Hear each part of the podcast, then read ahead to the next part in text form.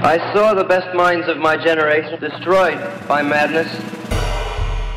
Det er den drømmen vi bærer på. Fra en annen virkelighet. Kulturuke. Eh, Ja, jeg heter Dag Solstad, og dere hører nå på Bokbaren, og der er altså jeg. Og her er vi også, som alltid, eh, er det Ingeborg og Marte.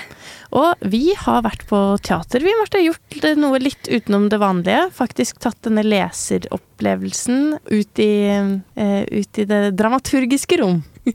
Ja, det er alltid like på en måte kjekt å få noen til å på en måte fortelle historien til deg. Og ikke nødvendigvis på en måte i lydbok at du må se for deg kulissene selv. At noen andre gjør det for deg. Det er litt hyggelig. Det er veldig hyggelig, og vi, vi har virkelig kost oss. Eh, og stykket vi så, det er aktuelt på Trøndelag Teater i disse dager. Det heter Det åttende livet til Brilka. Og grunnen til at Bokbarn har vært og sett akkurat dette, er jo selvfølgelig at det er et litterært forelegg. Det er basert på romanen med samme navn, skrevet av Nino Haratsjvili. Og stykket, som går på Trøndelag Teater, er regissert av Mina Salbor. Vi har snakket med dramaturgen som jobbet med dette stykket, Kristoffer Spender. og Vi skal høre et intervju med han i løpet av episoden. Og så skal du selvfølgelig også få høre hva jeg og Marte syns om stykket. Hallo, Trondheim. Dette er Tore Renberg som er på besøk fra Stavanger. Og i morgen så tenkte jeg nei, er det noe i hele verden som er finere enn å se et menneske som setter seg ned og åpner ei bok? Eller for å si det rett ut, det er utrolig sexy.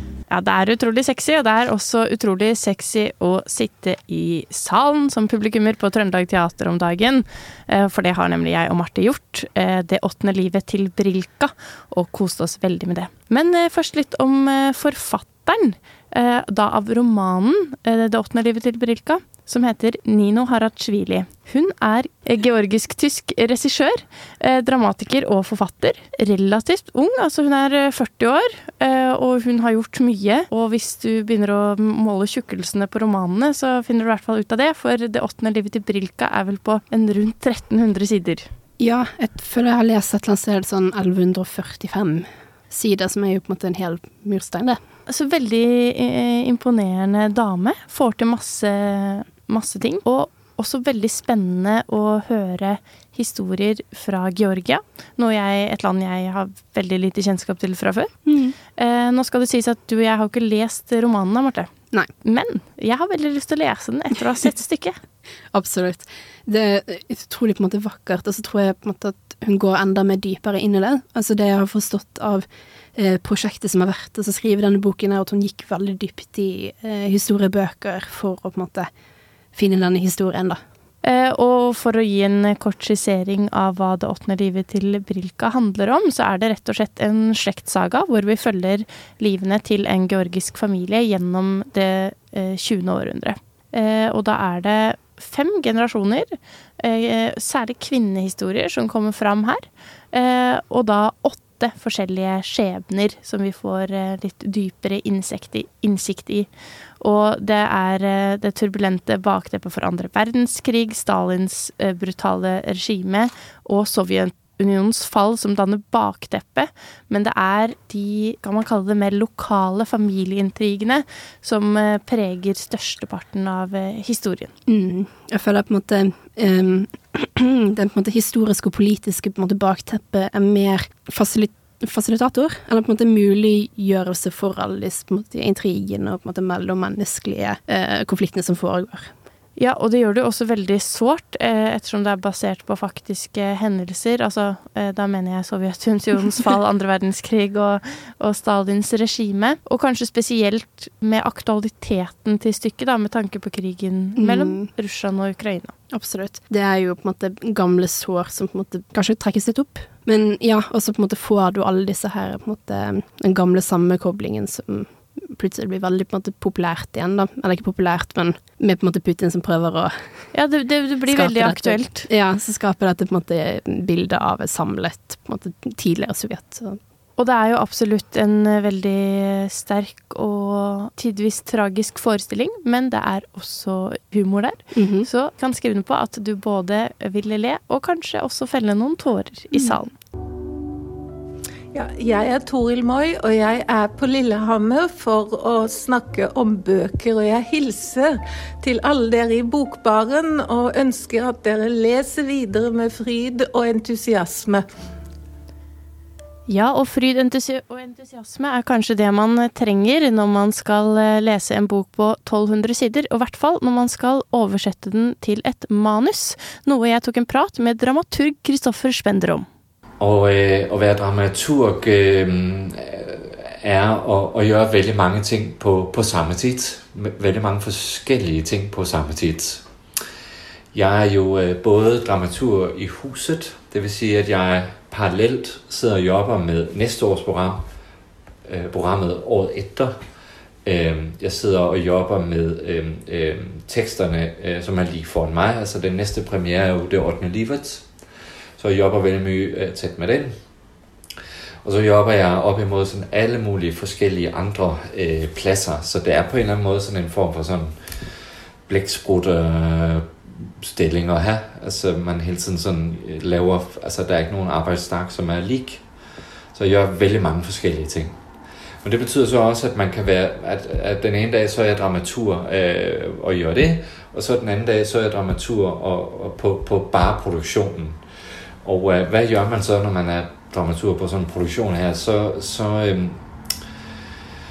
så skal man jo på en eller annen måte være, være den, som, som er eh, garant for, at, eh, at man har en opplevelse av at det er bukker, vi gjør. Altså, man ikke sidder og tænker, at vi gjør det 8. livet, og så sidder det er jo slet ikke den bok jeg har læst. Men at, øh, at jeg på en eller annen måte holder litt sånn øh, fast i tøjlerne øh, på, øh, hvordan sådan en, en type forestilling kommer til at se ud. Øhm, så sidder jeg jo og indhenter rettigheder ind på, på teksten, så når vi kan få lov til at gøre den her bog, og sidder og læser øhm, øhm, oversættelser igennem. Jeg sidder og gør forskellige ting, sådan at, at vi får det bedste fundament for den bedste tekst, så at skuespillerne kan sige øh, de bedst mulige replikker. Øh, så er dramaturgi, hvis du spørger meg, jo øh, læren om rækkefølger, øh, sekvenser kan man sige. Så derfor er det viktig at jeg holder litt hånd i hanske med, at, at, at, at, hvis en karakter er blevet født, så, så, så, så, ved vi, at personen er blevet født.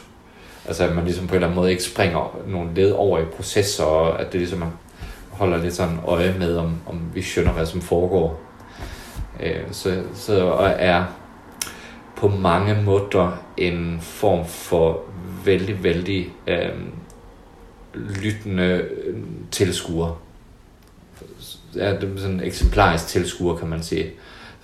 Hvis jeg skjønner hva som foregår, så kan, så kan andre tilskuere skjønne hva som foregår. For jeg er ikke kunstner. Jeg sidder ikke og, og, og skriver tekster, jeg sidder ikke og og, og give regi på ting. Jeg er ligesom mere sådan en form for administrativ uh, kunstnerisk tovholder, kan man sige. Ja. Så det er svaret på det. Det er kort, kort svar på det. Ja. Ja, eh, det er kanskje ingen korte svar når man jobber med noe som er så stort. Eh, men kan du si litt om prosessen med å eh, skrive Eller eh, ja, skrive om til et norsk manus? For så vidt jeg har forstått, så er det et tysk manus som er forelegg pluss da altså selve boka i norsk og tysk oversettelse, eller tysk oversettelse du har jobba ut ifra? Ja, altså man sidder jo med, med nogle forskellige øh, sådan øh, øh, øh, sprog, sprogkilder. Man har en dramatisering, som er, som er en, en, en, en scenisk bearbejdelse af, af, af romanen. Øh, og så har man romanen, og så har man en oversættelse af romanen. Så det vi på en eller anden måde skal, skal gøre her, det er at, at, at sammenstykke øh, og, og ligesom være detektiv og finde de, øh, fordi den, den finde de passager øh, øh, igennem øh, fra, fra den tyske dramatisering over den tyske bog til den norske bog, for så at kunne lave en norsk pandang af det manus, øh, det tyske manus, som, som, øh, som sammen med, med Booker er udgangspunktet. Så på den måde er, er, det, er det jo Ute Neumann sin, sin oversættelse, altså det er hendes øh, øh, bog, øh, som vi har brugt som, som kilde til at finde øh, vores norske, øh, vores norske øh, øh, tekst øh, til. Og det er sådan et detektivarbejde, øh, som foregår i det, der hedder præproduktion, sådan at når man kommer til læserprøve, så er, så er teksten øh, klar til, at vi læser det igennem sammen. Og så hvis der stadig er noget, som skuer, eller stadig noget, som, som man lurer på, eller stadig noget, der ikke sådan går helt øh, OP op, så, så, sidder, så har, har man den her læser på sammen, og så sidder man og læser igennem teksten, og så noterer man lidt, og når vi ved egentlig ikke, hvem det, den her karakter er. Skulle man lige uddybe det her, eller skulle man gøre det øh, tidligere, fordi så har, skønner vi designer der. Så så holder os lidt sådan øh, styr på, på, øh, på, på dramaturgien i det. Øh, så, og det. Og det kommer jeg til at gøre helt frem til premieren. Som, som en samtale med, med regissøren, og som, som, som øh, samtale med skuespillerne, og, og, og hele tiden, øh, hele tiden med, med, øh, med øh, hele tiden for at løfte boken så bra frem som overhovedet muligt. Ja. Hva er den største utfordringa med å adoptere fra roman til scene? Og kanskje en så stor roman som denne? da? Ja, altså, ja, ja. Det, øh, den største udfordring er jo, at, øh, at man på, på, øh, på teatret ikke kan spole tilbage, eller man kan ikke gå tilbage og læse kapitlet igen. Vi har én mulighed, vi har én chance for at sige replikken, og hvis skuespilleren mumler, og vi ikke forstår, at øh, stålmanden er Stalin, så, så var det den mulighed, vi havde. Hvis man ikke skal til at gentage en masse ting. Og det blir man veldig lei av også. Så derfor er det viktig at, at teksten er så klar eh, som overhovedet mulig, sånn at den ikke blir redundant eller, eller kedelig eller uvesentlig, men at man på en eller annen måde gjør den sånn skarp, og man får den formuleret og, og formidlet eh, så, så, eh, så, så forståelig som overhodet mulig. Dermed ikke sagt, at det skal være sånn konkret hele tiden. Det blir også kjedelig, så det må også gerne være poesi, må også gerne være dramatik, der må også gerne være forskellige typer måder at tænke tekst på, sådan at man sidder og har en oplevelse af, at forestillingen bevæger sig øh, frem øh, mod øh, et klimaks, eller mod noget, som berører mig som publikummer. Øh, så, så den helt store udfordring, det er at, at balancere og, og, og placere øh, information, sådan at at det ikke opleves kedelig, men også at jeg stadig forstår, hvad der, er, foregår. Så det er, det er den helt store udfordring. Og særligt når du har så lang en bog, øh, bogen kan fortabe sig i historiebeskrivelser, øh, og det som vi gerne vil er at gøre øh, en form for sådan mellemmenneskelig øh, øh, spænding, øh, fokusere på øh, de forskellige personer øh, og karakterers øh, relation til det store politiske, historiske spil, som kører. Så det blir ikke en dokumentarisk forestilling, det blir en eksistentialistisk forestilling, vil jeg si. Er det mulig for eh, de som ikke har lest boka, å se forestillingen? Ja, det, det, er, jo- det er jo helt sikkert det, som vi jobber for, at, øh, at øh, vi ikke bare øh, formidler boka en til en. Nå er det også en lang bok, og så, så vil vi næsten ikke skulle gjøre andet. Øh, Men det, det er helt, øh, helt væsentligt for os, at at, øh, at man godt kan se forestillingen uden at have læst boker. Og så håber man jo på, at man læser øh, boker, når man har set forestillingen, eller omvendt, at nogen har læst boker og kommer ind og ser forestillingen og, bli- og opdager boker på, på ny igen. Men ligesom har en form for ny jagttagelse af, af, af en bog, man har læst. Gud, og det havde jeg glemt i boker, og det ses, de gør det sådan, eller, eller man sidder og ser teaterforestillinger, og så læser man bog og siger, åh, oh, nå ja, men det så sådan ud, da jeg så det på teatret, og man har sådan en form for sådan en, en, en mere, en mere oplevelse med, med, med, med værket der. Det er, jo, det er jo det, man håber på, at, at det bliver en blanding af, af mennesker, som, som den ene har læst boka først, og den anden læser boker etterpå. Ja, for det var min, mitt neste spørsmål. Vil de som har lest boka, kjenne seg igjen? Boka? Ja, boka Ja. i forestillingen? Altså, jeg tror, jeg tror da helt sikkert, at, at der er nogle nedfald og nogle uddrag og nogle, og nogle sekvenser, som man vil kunne øh, kende meget, meget tydeligt igen. Så er der også nogle, nogle der er også nogle plot, plot øh, fortællinger, som vi af, af, af tidsmæssige årsager bliver nødt til at tage ud. Og det er jo sådan en helt vanlig praksis, at når man, når man skal tage en bok og gjøre til en film. For eksempel øh, i Ringenes Herre, så er der jo en helt lang sekvens med Tom Bombadil, som jo aldri er med i filmen. Og sådan nogle valg og fravalg har vi nødvendigvis også må tage med vores sceniske version. Hei, det er Junidar. Les Ibsen og lytt på Bokbaren. Ja, og det er det du gjør akkurat nå. Marte, hva syns du om det Kristoffer sa? Er du enig i at eh, man eh, får lyst til å lese boka, hvis man ikke har lest den før man så stykket? Ja, det tror jeg. Riktignok måte min frykt for store bøker er jo på en måte veldig gjeldende, men det var en utrolig på en måte fascinerende og interessant fortelling som jeg på en måte lurer Jeg lurer veldig på hvordan er det den vil se ut i et enda lengre format, hvor du virkelig får liksom muligheten til å utforske disse karakterene og relasjonene mellom dem. da. For det er jeg enig i, eh, og forestillinga varer jo i omtrent eh, fire timer, så det er jo en, eh, en lang forestilling òg, riktignok med pause. Men da kan man jo bare se for seg, som Kristoffer også er inne på, at det er en del som er kutta bort, men også det å eh, virkelig få, for å bruke et utradisjonelt eh, litterært ord, law, eh, til disse karakterene. Det hadde vært eh, veldig spennende. Jeg fikk i hvert fall lyst til å lese boka når jeg får tid til det. Men eh, neste spørsmål er jo om vi skjønte noe av stykket, og det vil jeg absolutt si at Ja. eh, man gjør. Nå vet jo ikke vi selvfølgelig hva vi har gått glipp av, med tanke på at vi ikke har lest eh, romanen, men det var ikke noe problem å henge med på historien. Mm -mm. Det er veldig lite på en måte bakkunnskap Altså selvfølgelig på en måte noe eh, forkunnskap om verdenshistorien må man jo på en måte ha, men ikke så mye at det på en måte er utilgjengelig, vil jeg si. Nei, du forstår nok eh, mer eh, jo, jo mer du kan om eh, verdenshistorien. Mm. Og jeg ble litt sånn eh, Møtte meg selv litt i døra på hva jeg kan om eh, ja, russisk, georgisk, Sovjetunion-historie. Mm. Eh, så det fikk jeg faktisk lyst til å lese meg litt mer opp på. Absolutt, for det på en måte Jeg skal ikke skryte på meg selv at jeg er noe på en sovjetekspert, det er jeg ikke, men jeg tror at det å høre mer om på en måte en georgisk Det er på en måte kanskje en del av Sovjetunionen eh, med Kakusland, og kanskje hvis vi går enda lenger bort til liksom stanene, som òg var en del av eh, Sovjetunionen.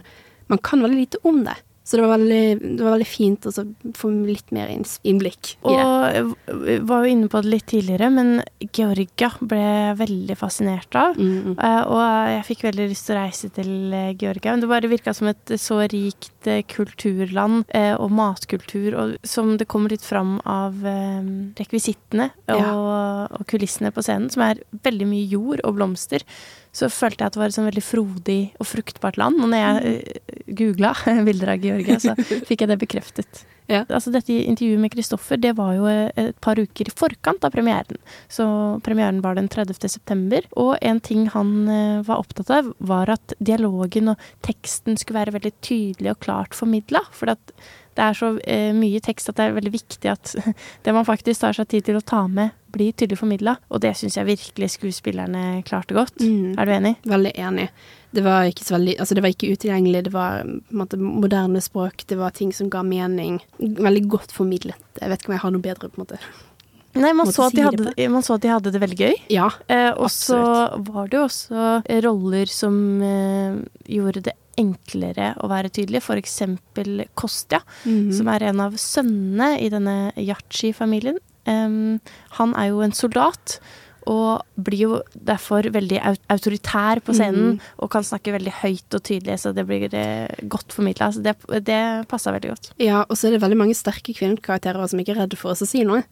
Um, men jeg vil på en måte kanskje peke på at karakterene bryter av og til den på en måte fjerde veggen og så prater direkte til oss og gir oss på en måte en sånn 'Dette her skjedde med Kostia, da var han der, og dette her skjedde med dette slaget'. Så det var sånn OK, vi er med på, uh, på konteksten. Ja, for det blir jo helt nødvendig når man, når man har eh, omsatt en så stor roman Mm. eh, til et fire timer langt skuespill. Og der er det jo sikkert ting vi går glipp av også, men for deg og meg som ikke har lest romanen, så var ikke det et problem.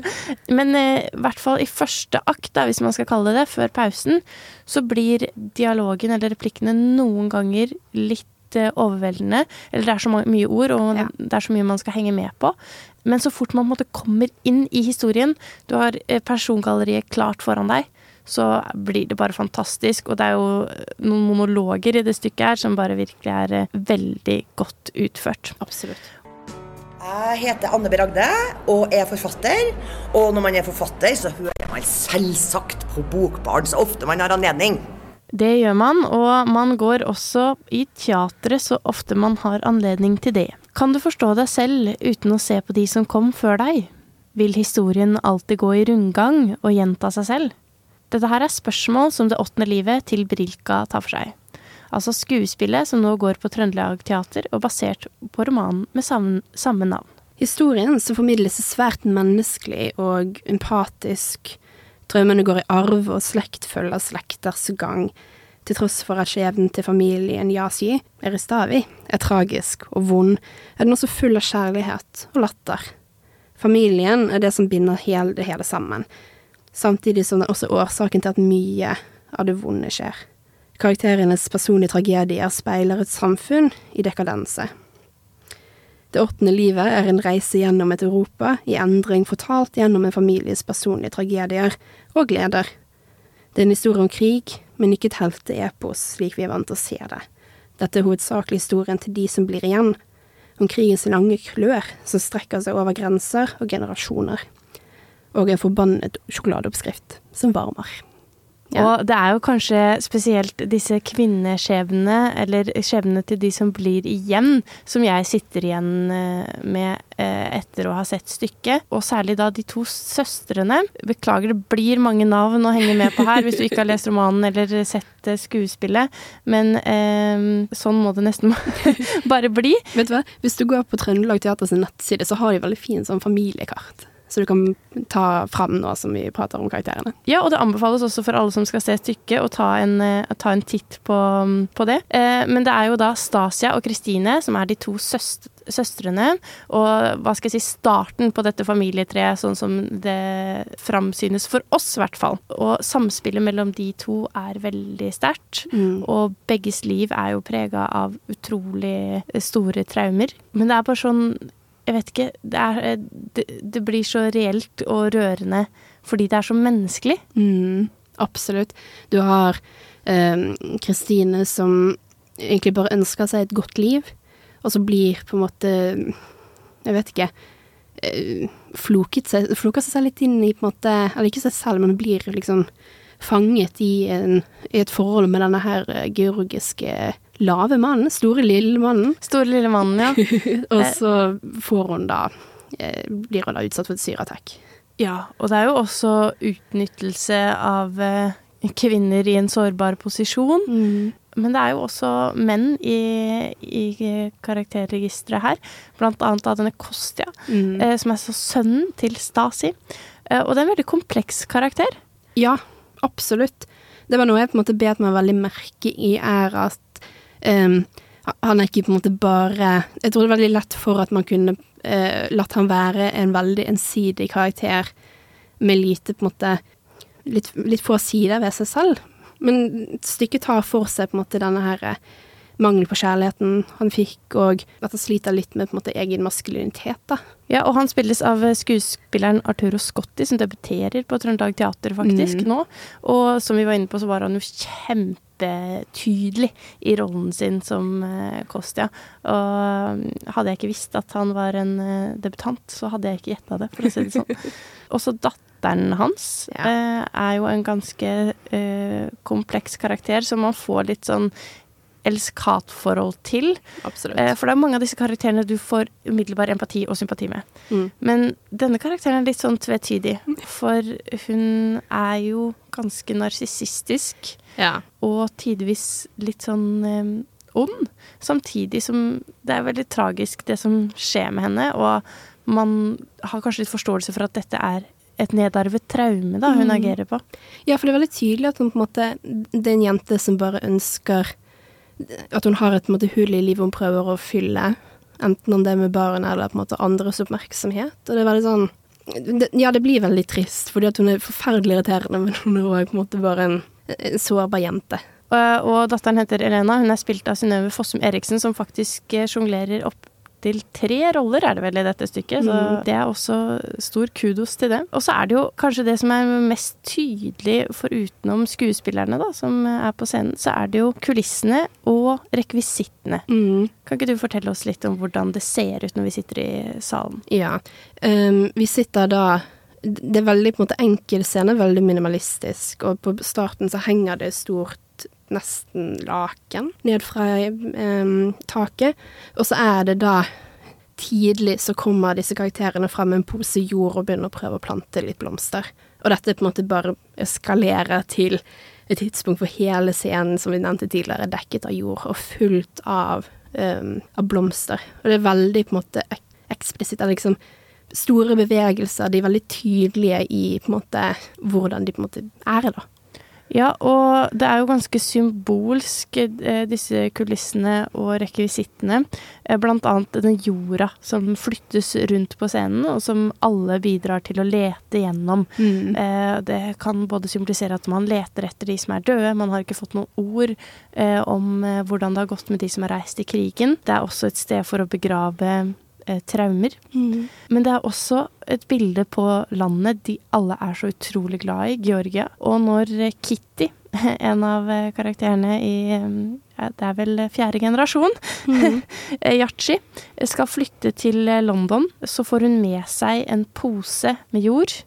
Som kan symbolisere veldig mye. Jeg skal ikke spoile for mye, men jeg så i hvert fall på det som et stykke av hjemlandet du tar Mm. med deg i kofferten for å prøve å lage et eh, ja, eh, ekko av hjemmet i det nye landet du kommer til. Og det er jo overførbart til så mye i dag. Selvfølgelig flyktninger fra Ukraina, men eh, egentlig flyktninger fra alle land som, Mm. som har med seg litt av hjemmet sitt i kofferten. Og jeg syns det på en måte ble veldig fint poengtert, for hun holder denne posen nesten som et lite barn. Så det ble på en måte enda mer symbolsk og vakkert i på en måte den veldig lille handlingen.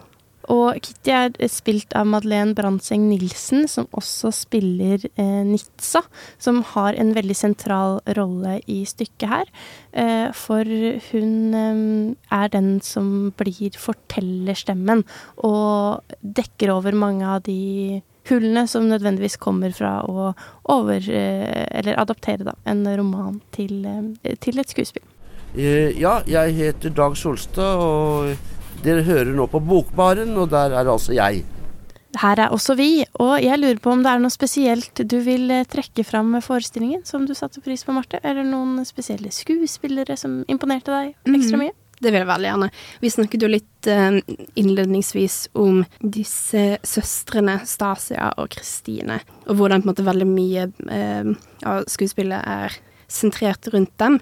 Og det mm, gir jo veldig mening òg med tanke på utrolig dyktige de skuespillerne som spiller dem er. Vi har da Maria Pontén og Emma Caroline Deichman, som er virkelig på en måte briljante. Jeg kan gjerne prate litt om Emma Caroline Deichman. Utrolig god på å på en måte balansere det på en måte komediske og det som er på en måte det morsomme med rollen hennes. Utrolig kjapp, men òg veldig god på det mer sårbare og det vonde. Og det er sånn fantastisk på en måte balanse og skift mellom de to delene av den karakteren, som jeg syns er virkelig bra.